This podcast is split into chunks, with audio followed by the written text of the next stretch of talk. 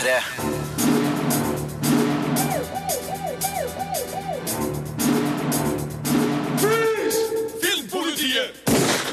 Godt nyttår og velkommen til Filmpolitiet.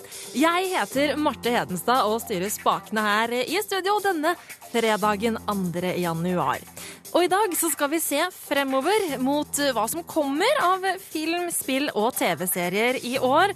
Filmpolitiets overkonstabel Birger Vestmo han tar en pause i juleferien og kommer innom sammen med Rune Haakonsen for å ta en prat om hva vi gleder oss mest til i 2015.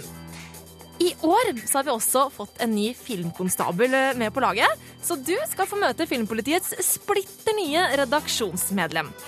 I tillegg får du selvfølgelig også anmeldelse av årets første kinopremiere, eventyrfilmen Seventh Son. Filmpolitiet anmelder film. Our world is divided between light and darkness. You are the seventh son of the seventh son. De første minuttene av Seventh Son kan fort forveksles med serien Game of Thrones.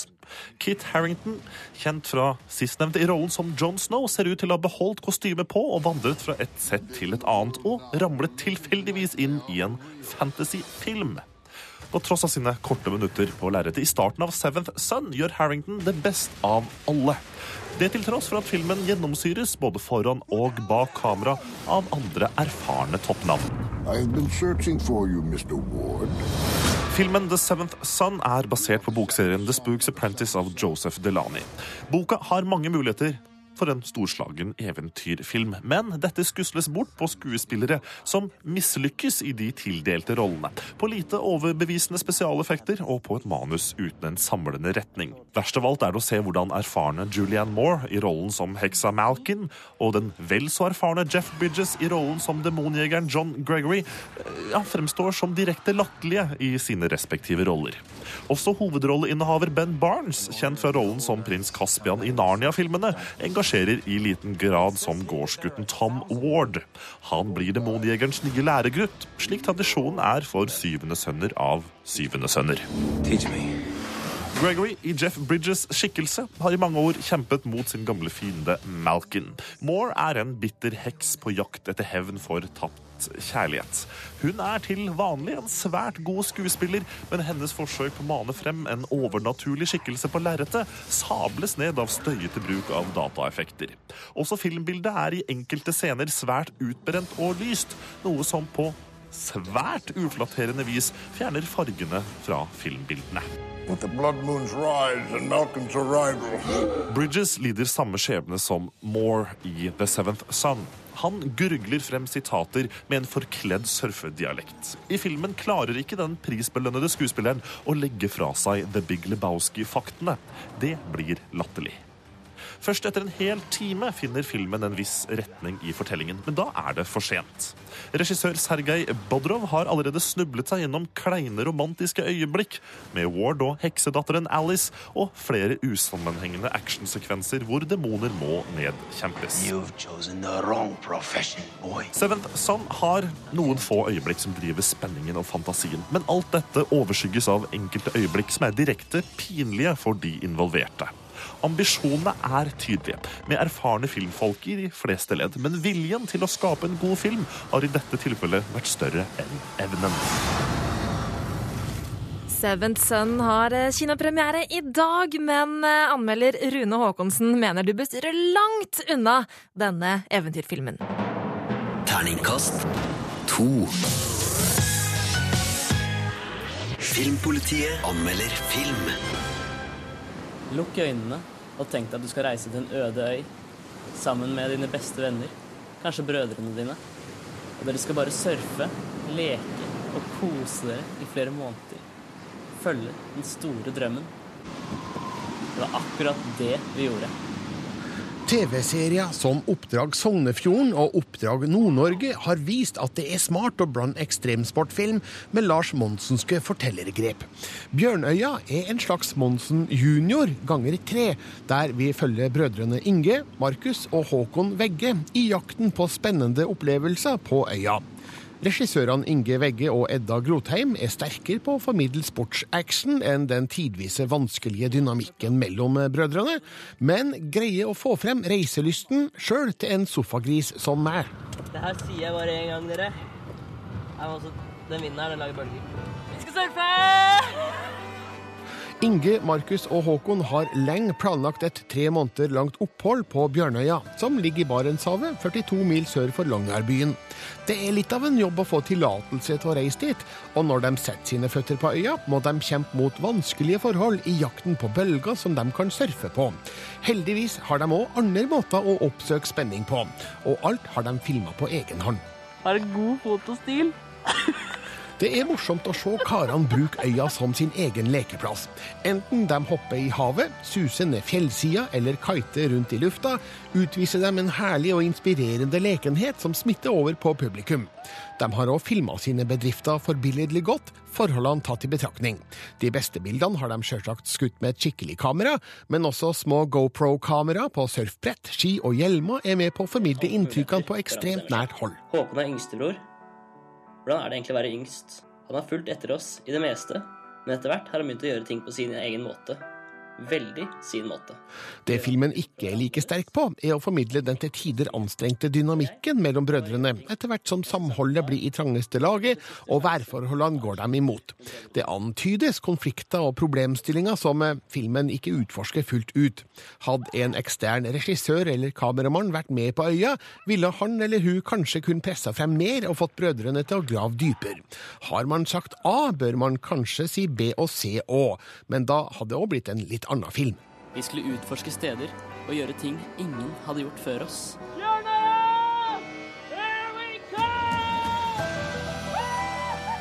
I sine beste øyeblikk er Bjørnøya en feiring av individets rett til å leke, utforske naturen og sette seg sjøl på prøve. Brødrenes utadvendte fremtoninger gjør dem enkle å like, og deres sympatiske holdninger til naturen de beveger seg i, sprer et miljøriktig budskap. Bjørnøya har flere imponerende og majestetiske bilder av ville arktiske opplevelser som er svært få forunt. Denne filmen er derfor slett ikke et dårlig substitutt.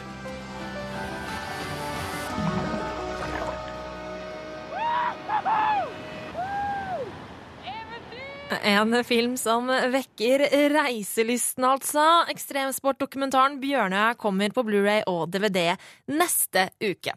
Og Birger belønnet filmen med Terningkast fire. Les mer om film, spill og serier på p3.no Filmpolitiet. Her i Filmpolitiet har vi satt opp eh, lister for de beste filmene fra 2014, det beste spillet fra 2014, det beste TV-seriene fra 2014. Men nå er det på tide å se fremover mot året 2015. Og derfor har jeg fått Rune og Birger i studio. Godt nyttår! Godt nyttår. Godt nyttår, Marte. Har dere hatt en fin jul? Altfor mye julemat, som, eh, som seg hør og bør, tenker jeg. Og for mye juleøl, som det seg også hører bør. Ja, det er lov. For Det viktige er at vi må forberede oss og være klare og i god form for 2015. Et år som inneholder så mange blockbustere, så mange storspill, så mange spennende serier, at jeg er litt bekymra, jeg. Ja, utrolig. For at vi, at vi får for mye å gjøre. Ja, utrolig mange høydepunkter i kø, virker det som på papiret, i hvert fall. da, Men Ja. vi har eh, slitt oss fram til et, et knippe favoritter. Det har vi. Og vi skal innom eh, våre personlige favoritter både på film, spill og TV-seriefronten. Eh, Og vi kan jo bare rett og slett begynne med film. Eh, Og her er det da personlige favoritter det er snakk om. Birger, hva er det du gleder deg mest til i 2015? Ja, den jeg gleder meg aller mest til. Det er kanskje ikke det mest politisk korrekte valget, og det er kanskje ikke det riktige valget heller, men etter at traileren til Mad Max Fury Road kom ut like før jul, så steg mine forventninger til værs. Det var en desperat kul forsmak på en film som vi har venta på, eller noen har i hvert fall venta på den, siden 1985. For så eh, langt tilbake er det siden den tredje og foreløpig siste Mad Max-filmen kom. 30 år, altså. Ja, virkelig et godt eh, stykke med tid der. Og Mel Gibson spilte jo Mad Max i de tre første. Nå er det Tom Hardy som gjør det. Han har et veldig godt valg for rollen, syns jeg. Ja, han kan eh, være en riktig person der. Nå ga ikke traileren noe særlig eh, innblikk i hvordan han har valgt å løse Max-rollen. Jeg syns han så litt babyface ut der, jeg. Sånn Kanskje. Hvordan kan. Tom Hardy se babyface ut? Er det mulig? Det, det er mulig at det kommer en trailer til Ja. før premieren uh, utpå for, forsommeren her, eh, som, som gir oss et, et, et, eh, mer eh, inntrykk av hva Tom Hardy gjør da, som Mad Max. Men det er fremdeles George Miller som er regissør, som han var på de tre første, og traileren eh, viste at han i hvert fall ikke har glemt hvordan en Mad Max-film skal se ut. Han har nok også gassa på en hel del i forhold til de filmene vi så på 1980-tallet, så Mad Max Fury Road det, det kommer kanskje ikke til å være den beste filmen jeg ser i år, men eh, jeg kjenner at det, den jeg per i dag gleder meg mest til å se. Rune, hva med deg? Hvilken film er det du har høyst forventninger til? Jeg jeg legger merke til Birger, at vi har en, en viss likhet i at vi, vi begge to har valgt en filmserie som eh, hadde stor popularitet på 80-tallet og nå får en reboot. Jeg gleder meg enormt til eh, sommeren 2015, hvor Arnold Schwarzenegger returnerer som The Terminator i filmen Genesis. En, en, en relansering av Altså, Terminator-filmene, rett og slett. Jeg skjønner at, altså jeg kan forstå at du gleder deg til det, Rune, men altså, er ikke dette, her, er ikke dette rart? Nei, vi har sett- altså, nei, nei, Arnold er nei. gammel nå. Altså, Arnold er fortsatt klodens kuleste fyr. Og den nye traileren fikk meg til å se og tenke at dette er en underholdende non-stop balls to the walls actionfilm hvor fortid og fremtid møtes i krig og pow, roboter og pang og eksplosjoner. Og Arnold Schwarzenegger med one-linere, som er selvfølgelig sånn det skal være. Jeg har holdt meg unna den traileren, har ikke sett den, men jeg, jeg vil veldig gjerne at den skal være utrolig god, fordi spesielt de to første Terminator-filmene ligger mitt hjerte veldig nært. Og så kjenner jeg at jeg er litt skeptisk òg, da, fordi jeg skjønner ikke helt hvordan de har tenkt å føre denne historien videre. Du, sa, du brukte ordet reboot, jeg vet ikke om det helt stemmer, fordi det er jo en fortsettelse av universet, men det spekuleres jo Ja, ja. i om de kanskje tar en eh, Star Trek, eh, altså de bruker tidsreiseaspektet i Terminator-historien til å lage en alternativ tidslinje, da. Men eh, vel, vi får se når filmen kommer. Jeg skal selvfølgelig se den. Jeg må bare legge til at Ved siden av Arnold Schwarzenegger så har vi Emilia Clarke, kjent fra Daenerys i Game of Thrones. Det er Jason Clarke, som sist spilte i Rise of the Planet of the Apes. Og ikke minst så er det Matt Smith, tidligere Doctor Who-profil, som også er å finne på da Terminator Genesis, som kommer sommeren 2015. Dette er skuespillere jeg liker godt, og jeg gleder meg til å se hvordan Arnold Schwarzenegger rocker verden. Også i 2015. He'll be back. Ja, måtte ta den. Men eh, du da, Marte, hvilken film er det du gleder deg mest til? Jeg slenger meg på denne trenden med utvidelse av universet, og jeg tror kanskje Filmer fra 80-tallet òg, eller? Eh, Jeg lurer på om kanskje de som hører på, forventer eh, å høre det som jeg kommer med nå. Det er jo selvfølgelig Star Wars. The Force Awakens! Ja, vi måtte, jo ha ha den. Ja, vi måtte ha den med. Ja, Men eh, hvorfor gleder du deg til den, da? Det er litt interessant, faktisk, akkurat det, Birger, fordi jeg var ekstremt skeptisk til å begynne med da jeg hørte at Disney hadde kjøpt rettighetene og nå skulle komme med tre filmer til. Jeg tenkte, vet du hva, det her blir dritt. Var min første reaksjon. Men så etter hvert som jeg har fått se mer av hvilke skuespillere som skal være med, og så da den traileren kom eh, før jul, så jeg har blitt mer og mer begeistra, og nå gleder jeg meg så mye. Det var jo veldig mye snadder i den smakebiten Det vi var jo Mm det. Og det visuelle uttrykket virker veldig riktig. Men jeg håper bare JJ Abrams eh, husker å få med mye moro i filmen, Mm. og ikke bare slike kule effektshots som denne teaseren var full av. Og og det er kanskje litt av de farene som JJ uh, står ovenfor. For at han er veldig flink til å, til å være mystisk og skape en interesse og en hype og, og en, en, et miljø, et levende samfunn rundt filmen. Som selvfølgelig da også gjør at fallhøyden er enormt stor. I likhet med da pre- når prequel-trilogien hadde premiere, så gikk det ikke så bra for George øh, Lucas etter hvert heller. Så at det er en høy fallhøyde, men jeg håper at JJ innfrir til slutt. Vi vet eh, fremdeles forholdsvis lite om hva filmen eh, skal handle om, og alt det der kommer nok til å dryppe ned på oss i løpet av eh, det året som vi har foran oss nå. Men vi kan jo i hvert fall stå her nå og si at i år kommer den nye Star Wars-filmen. Og vi skal se den alle sammen. Selvfølgelig skal vi Jeg gjøre gleder det. meg. Jeg gleder meg. Jeg gleder meg. Ah, det jeg gleder meg veldig veldig mye. Det skal bli spennende. Eh, Vi skal også snakke om eh, hvilke TV-serier og spill vi gleder oss til. Vi skal hoppe over på spill, faktisk, men det tar vi først etter litt musikk her på P3. Du hører på P3. P3. I likhet med på filmfronten så kommer det et drøss med nye spill også i år. Og her i Filmpolitiet skal vi plukke ut våre personlige favoritter på hvilke spill vi gleder oss til. Eh, Rune og Birger er fortsatt i studio. Hello. Hello. Hello. Skal vi starte med deg, Rune? Eh, Vi bare kjører rett på. Jeg må få lov til å spille litt av lyd eh, fra dette eventyret som jeg kan avsløre at det er. If you'd heard the cry, sir. If you'd have heard how a man can scream. Witcher. I was hoping you'd come. Her hørte vi litt eh, lyd fra The Witcher 3.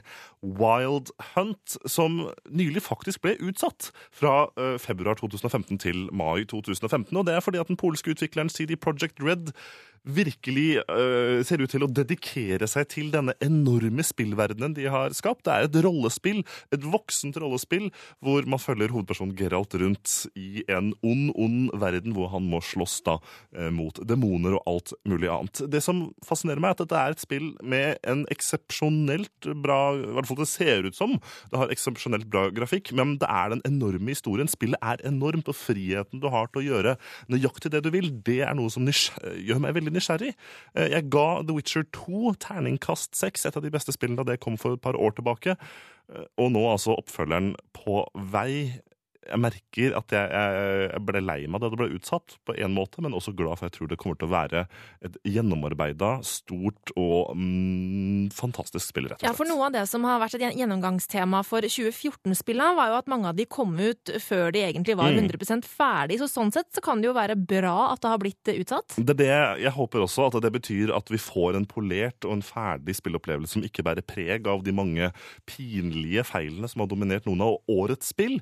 Eh, Jeg, jeg tror de kan få det til, og ut ifra de spilldemoene som har blitt vist så langt, så er det stort, det er spennende, det kan gå eh, i hvert fall Dragon Age Inquisition i næringa som, som, som et av de største og vakreste rollespillene eh, til dags dato. Birger, du vet, jeg vet at du er en bilspillentusiast. Er er det bilspill du gleder deg mest til eh, i år? Ja, absolutt. Det er et spill som heter Next Car Game Wreckfest, som jeg tror kanskje blir årets store spillopplevelse for meg. Skal vi høre litt lyd?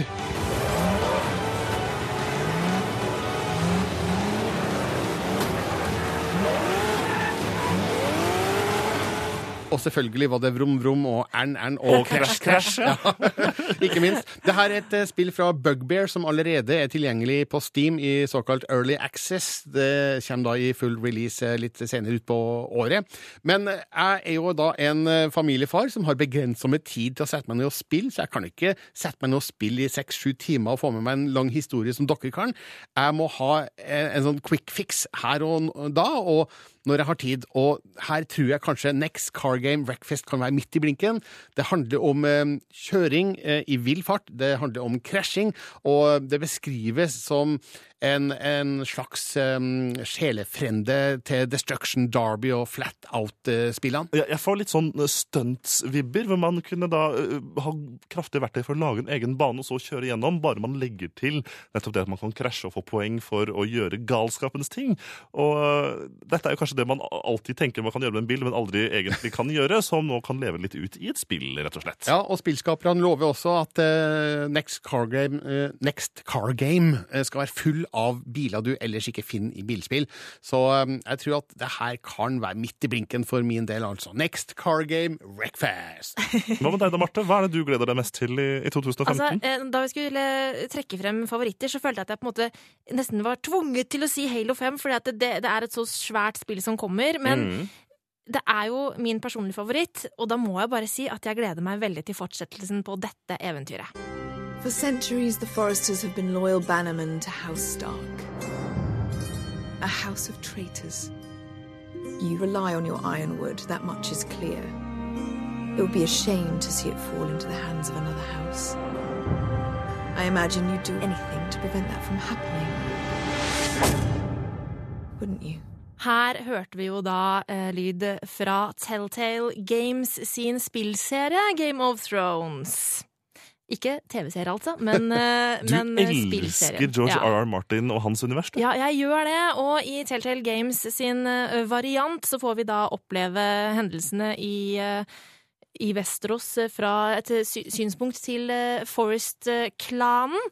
Eh, og jeg gleder meg til å fortsette på dette spillet, for det første episode kom jo i desember. Eller var det slutten av november, kanskje? Mm -hmm. Og nå kommer da neste episode i februar. Men hvor godt henger spillets historie sammen med bøkene og TV-serien? Ja, altså, eh, Det er jo en eh, historie som er skrevet for spillet, men eh, den utspiller seg samtidig som hendelsene fra bøkene og serien, sånn at vi på en måte opplever de samme tinga, bare sett fra en annen familie sitt perspektiv, som ikke er med i serien og bøkene. Sånn at det begynner for eksempel på The Red Bedding, og så skal da din rollefigur komme seg bort eh, fra dette og hjem til eh, huset som han kommer fra. Eh, Og så er det da selvfølgelig intriger og maktkamp og alt sånt. eh, Alle ingrediensene fra- ja. som man kjenner fra serien, Ja. Plassert inn i, Og- i spilleramme. Og som Filmpolitiets eh, aller største Game of Thrones-fan, så skjønner vi jo at det her er ditt univers, Marte. Det er Marte. det virkelig. Jeg gleder meg veldig til fortsettelsen på Game of Thrones. Så må vi bare anbefale da, for alle som ikke har spilt første episode av Game of Thrones-spillet ennå, gå og gjør det. Mm. Og det her er jo da en spillserie, men vi skal også over på TV-serier. Hvilke personlige favoritter vi gleder oss mest til i 2015, får du etter dette. Før låta hørte dere hva Birger, Rune og jeg gleder oss mest til på spillfronten i år. Jeg, så jeg gleda meg til eh, å finne ut fortsettelsen på Telltale Games sin spillserie Game of Thrones. Og nå skal vi over til TV-serieverdenen. Og hva tror dere at jeg gleder meg mest til på den fronten, Rune og Birger? Jeg vet ikke Kan det være Nei, jeg, nei, jeg aner ikke. Du aner ikke deg? Nei. Jeg- kan innrømme at det er faktisk neste sesong av Game of Thrones. Dun, dun, dun. Åh, Du store min! Ja, det, Sesong fem, altså? Det er sesong fem. Kommer vel i april som vanlig. Og eh, vet du hva?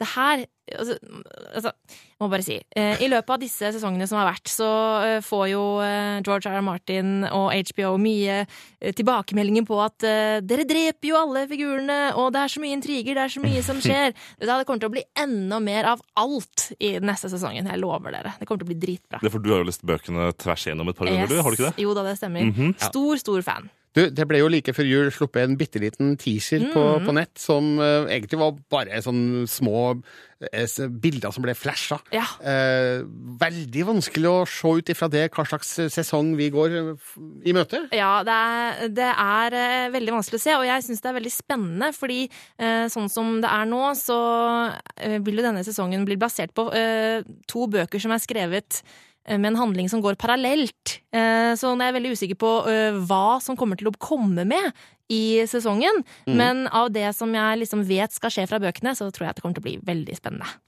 Eh, Men nok om Game of Thrones, nå har vi snakka om det ganske lenge. Birger, jeg vet at du gleder deg til en stor serie som skal få sin finale i år. Ja, det er helt riktig. Det dreier seg om Mad Men sesong sju del to. Eh, Som flere andre serier så har også Mad Men-skaperne valgt å dele opp siste sesongen i to deler. Så første halvpart på åtte episoder kom i fjor, og siste halvpart på åtte episoder kommer nå da i, i vår, eller i, i mai, tror jeg den har eh, release.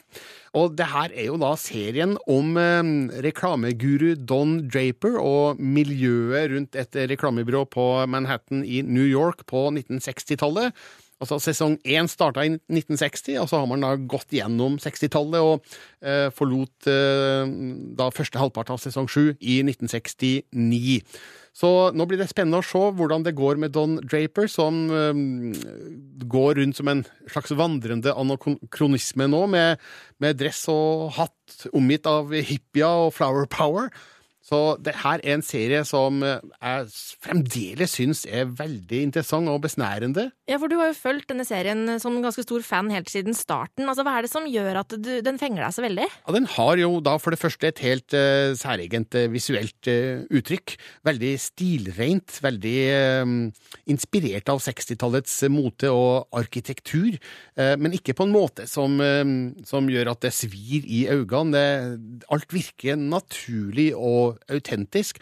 Og så er det et veldig interessant persongalleri med mange små og store figurer som eh, vi følger da eh, i ulike historietråder. Og jeg har ikke greid å bli lei av Mad Men. Jeg skulle gjerne ønske noen sesonger til, men vel, nå har det vært sju sesonger, og kanskje er det greit at eh, vi nå går mot eh, avslutninga. Og, og da antar jeg at serien tar oss med over i 70-åra etter hvert, eller i 1970 i hvert fall. Og vi får vel da forhåpentligvis en eh, konkluderende avslutning eh, der vi får en forløsning på de problemene som Don Draper sliter med. Rune, over til deg. Hva Jeg- gleder du deg mest til? har jo da valgt noe som ikke er en oppfølgersesong. Ikke er nummer eh, fem, seks, syv, åtte i rekken. nytt. Noe helt nytt for TV-kanalen Stars, eh, som er et utrolig jeg, jeg må stoppe deg der. Stars, altså er ikke det sånn crappy TV-kanal? Det er det man skulle tro, vet du. Men de har også noen gode serier under beltet. De velger nå å investere mange titalls millioner dollar i å serifisere da. eh, Neil Gaimans bok 'American Gods', som ble gitt ut først i 2001. Og jeg liker premisset her så godt. Og det at de velger å, å gå så tungt inn med penger og satse på det, det gjør at dette tror jeg kan være et veldig spennende prosjekt. For det eh, er en blanding av fantasy, eh, religion, mytologi og americana, som da er premisset at guder eksisterer fordi vi tror på dem. Og all innvandringen til USA har gitt mange forskjellige guder som eksisterer i USA, derav navnet American Gods. Men i møte med nye tider, med popkultur, med kjendiser, så har rett og slett troen på guder blitt litt annerledes. Er Nye guder har oppstått, og noen gamle guder prøver å kjempe Ja. om sin plass. Og i denne litt sånn fantastiske settingen så utspiller altså American Gods sin historie. Første sesong kommer da til neste høst i USA. Eh, Kan nok ta litt lengre tid før den kommer til Norge, men jeg gleder meg veldig til å sjekke ut hvordan Neil Gaiman da eh, blir i TV-serieformatet. American Gods er en serie jeg gleder meg veldig til i 2015. Og med det så har vi vært gjennom spill, serier og film som vi gleder oss til i 2015. Og du som hører på, kan selvfølgelig klikke deg inn på p3.no filmpolitiet, eh, finne listene våre der, og selvfølgelig kommentere og komme med din mening på hva du gleder deg mest til. Birger og Rune, takk skal dere ha. Bare hyggelig. Hei og hå. Birger, Rune og jeg har allerede fortalt om hvilke filmer, spill og TV-serier vi gleder oss til eh, i eh, året som vi er inne i nå, 2015. Men vi har en liten hemmelighet på lager, for vi har nemlig fått et nytt medlem i Filmpolitiets redaksjon. Sigurd Vik, velkommen skal du være. Tusen takk, Marte!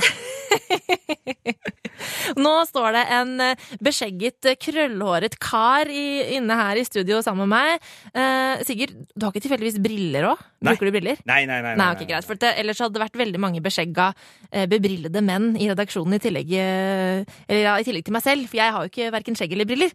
Men, men velkommen skal du være likevel. Tusen hjertelig takk. Eh, og du er jo en fyr som er veldig veldig glad i både film og TV-serier, noe som seg hør og bør når man skal jobbe i filmpolitiet. Ja, jeg syns det er greit. Du er sånn passe interessert i film og sånn. Ja, bruker sånn ca. 93-4 Ja, av døgnet sånn der, ja. Det er, det er veldig bra. Ja. Eh, men før vi kommer til hvilken film du gleder deg aller mest til i 2015, Sigurd, så må vi bli litt bedre kjent med deg. Og jeg tenker at hva er den beste måten å bli kjent med folk på? Jo, det er å finne ut av hva som er liksom din verste guilty pleasure.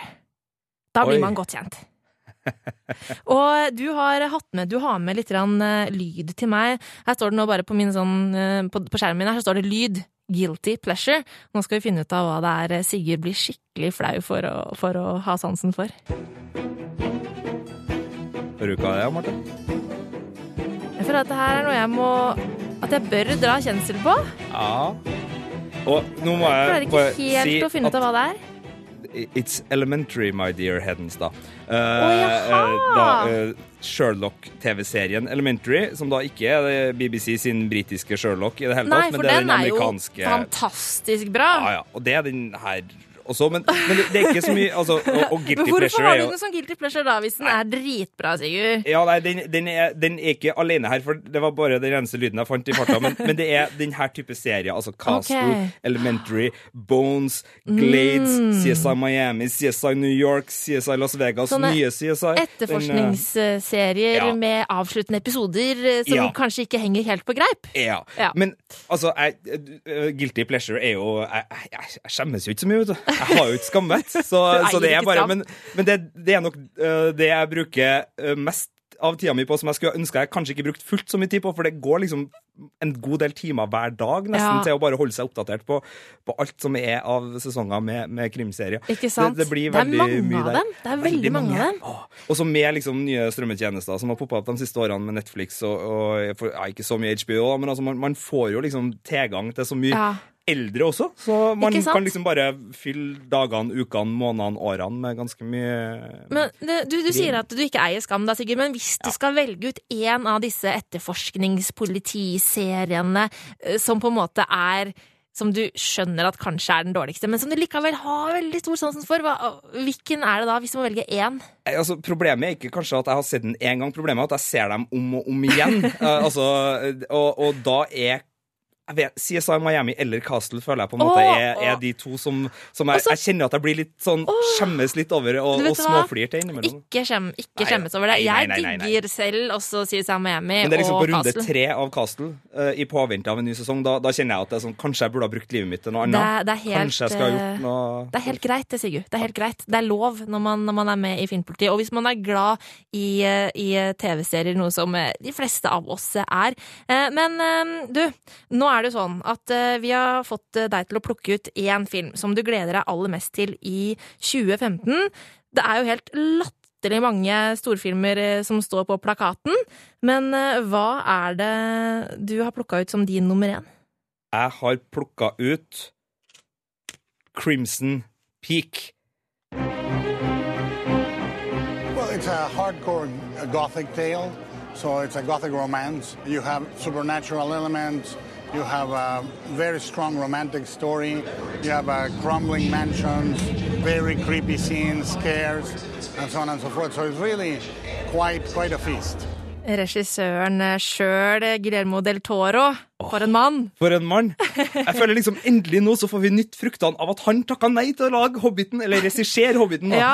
For nå kommer det jo en helt Å, jeg gleder meg sånn. Det er eh, liksom Det er skrekkfilm. Ja, men, men det er sånn klassisk Toro klassisk gotisk opplegg, er det ikke det? ja, Gothic romance. Det er liksom ikke helt skrekkfilm heller, når det er han, for det er så mye vakre detaljer. Det er jo som å se maleri når man ser litt sånn Han tar oss med gjennom det her spøkelseshuset, som er nesten som en hovedperson å, å regne i denne filmen. For det er Haunted House, øh, en, romantisk historie i et øh, spøkelseshus, rett og slett, vi, vi har i vente her. Men altså han, jeg føler han bare liksom Han bare tar det uh, godeste Tim Burton gjorde, og så bare gjør han det enda litt mer fortryllende og magisk. det, det ja, er bare så nydelig. Og ikke minst freaky. Han har jo virkelig eh, peiling på å lage skikkelig gufne saker. Altså Pans labyrint, den der, det monsteret med, med hen, øynene i hendene og sånn. Vet du, jeg, har aldri vært så redd. Det er så fantasirikdom og detaljrikt at det er herlig. Og så har han de små plottene. Nå skal ikke han få fulle æren for å ha laga The Orphanage, men, men den også har veldig mye av seg. Pans labyrint har det. Og så, ikke sant, det, det, det, fantastiske kostymer. Hellboy. Så fint. For en kar. Vi så hvis alt klaffer, så Ja. blir det et høydepunkt i 2015. Crimson Det håper jeg også. Peak. Den har altså premiere 16. oktober, og det gleder altså Sigurd seg veldig til. Det gjør jeg også. Sigurd, tusen takk for at du kom i studio, og velkommen til Filmpolitiet. Tusen takk, Martin. Filmpolitiet. Med Marte Hedenstad. NRK. NRK. P3. Året 2015, altså hva vi gleder oss mest til på spill-, film- og TV-seriefronten, har vært tema for dagens Filmpolitiet-sending. Birger, Rune og jeg, som heter Marte, har dratt frem våre personlige favoritter på hva vi gleder oss mest til i år. Og så har du også fått høre fra Sigurd Vik, Filmpolitiets eh, nyeste konstabel. Eh, Men i sendinga så var det altså våre personlige favoritter eh, på hva vi gleder oss til, som vi snakka om. Men vi har også stemt frem med sånne demokratiske topplister på hele ti ting vi gleder oss til, og de finner du på p3.no filmpolitiet. Og der vil vi veldig gjerne at du går inn og forteller hva det er du tror blir det beste på film-, spill- og TV-seriefronten i år. Og med det er Filmpolitiet ferdig for i dag. Nå får du The 1975, Heart Out. Og du, godt nyttår, da. Hør flere podkaster på nrk.no podkast.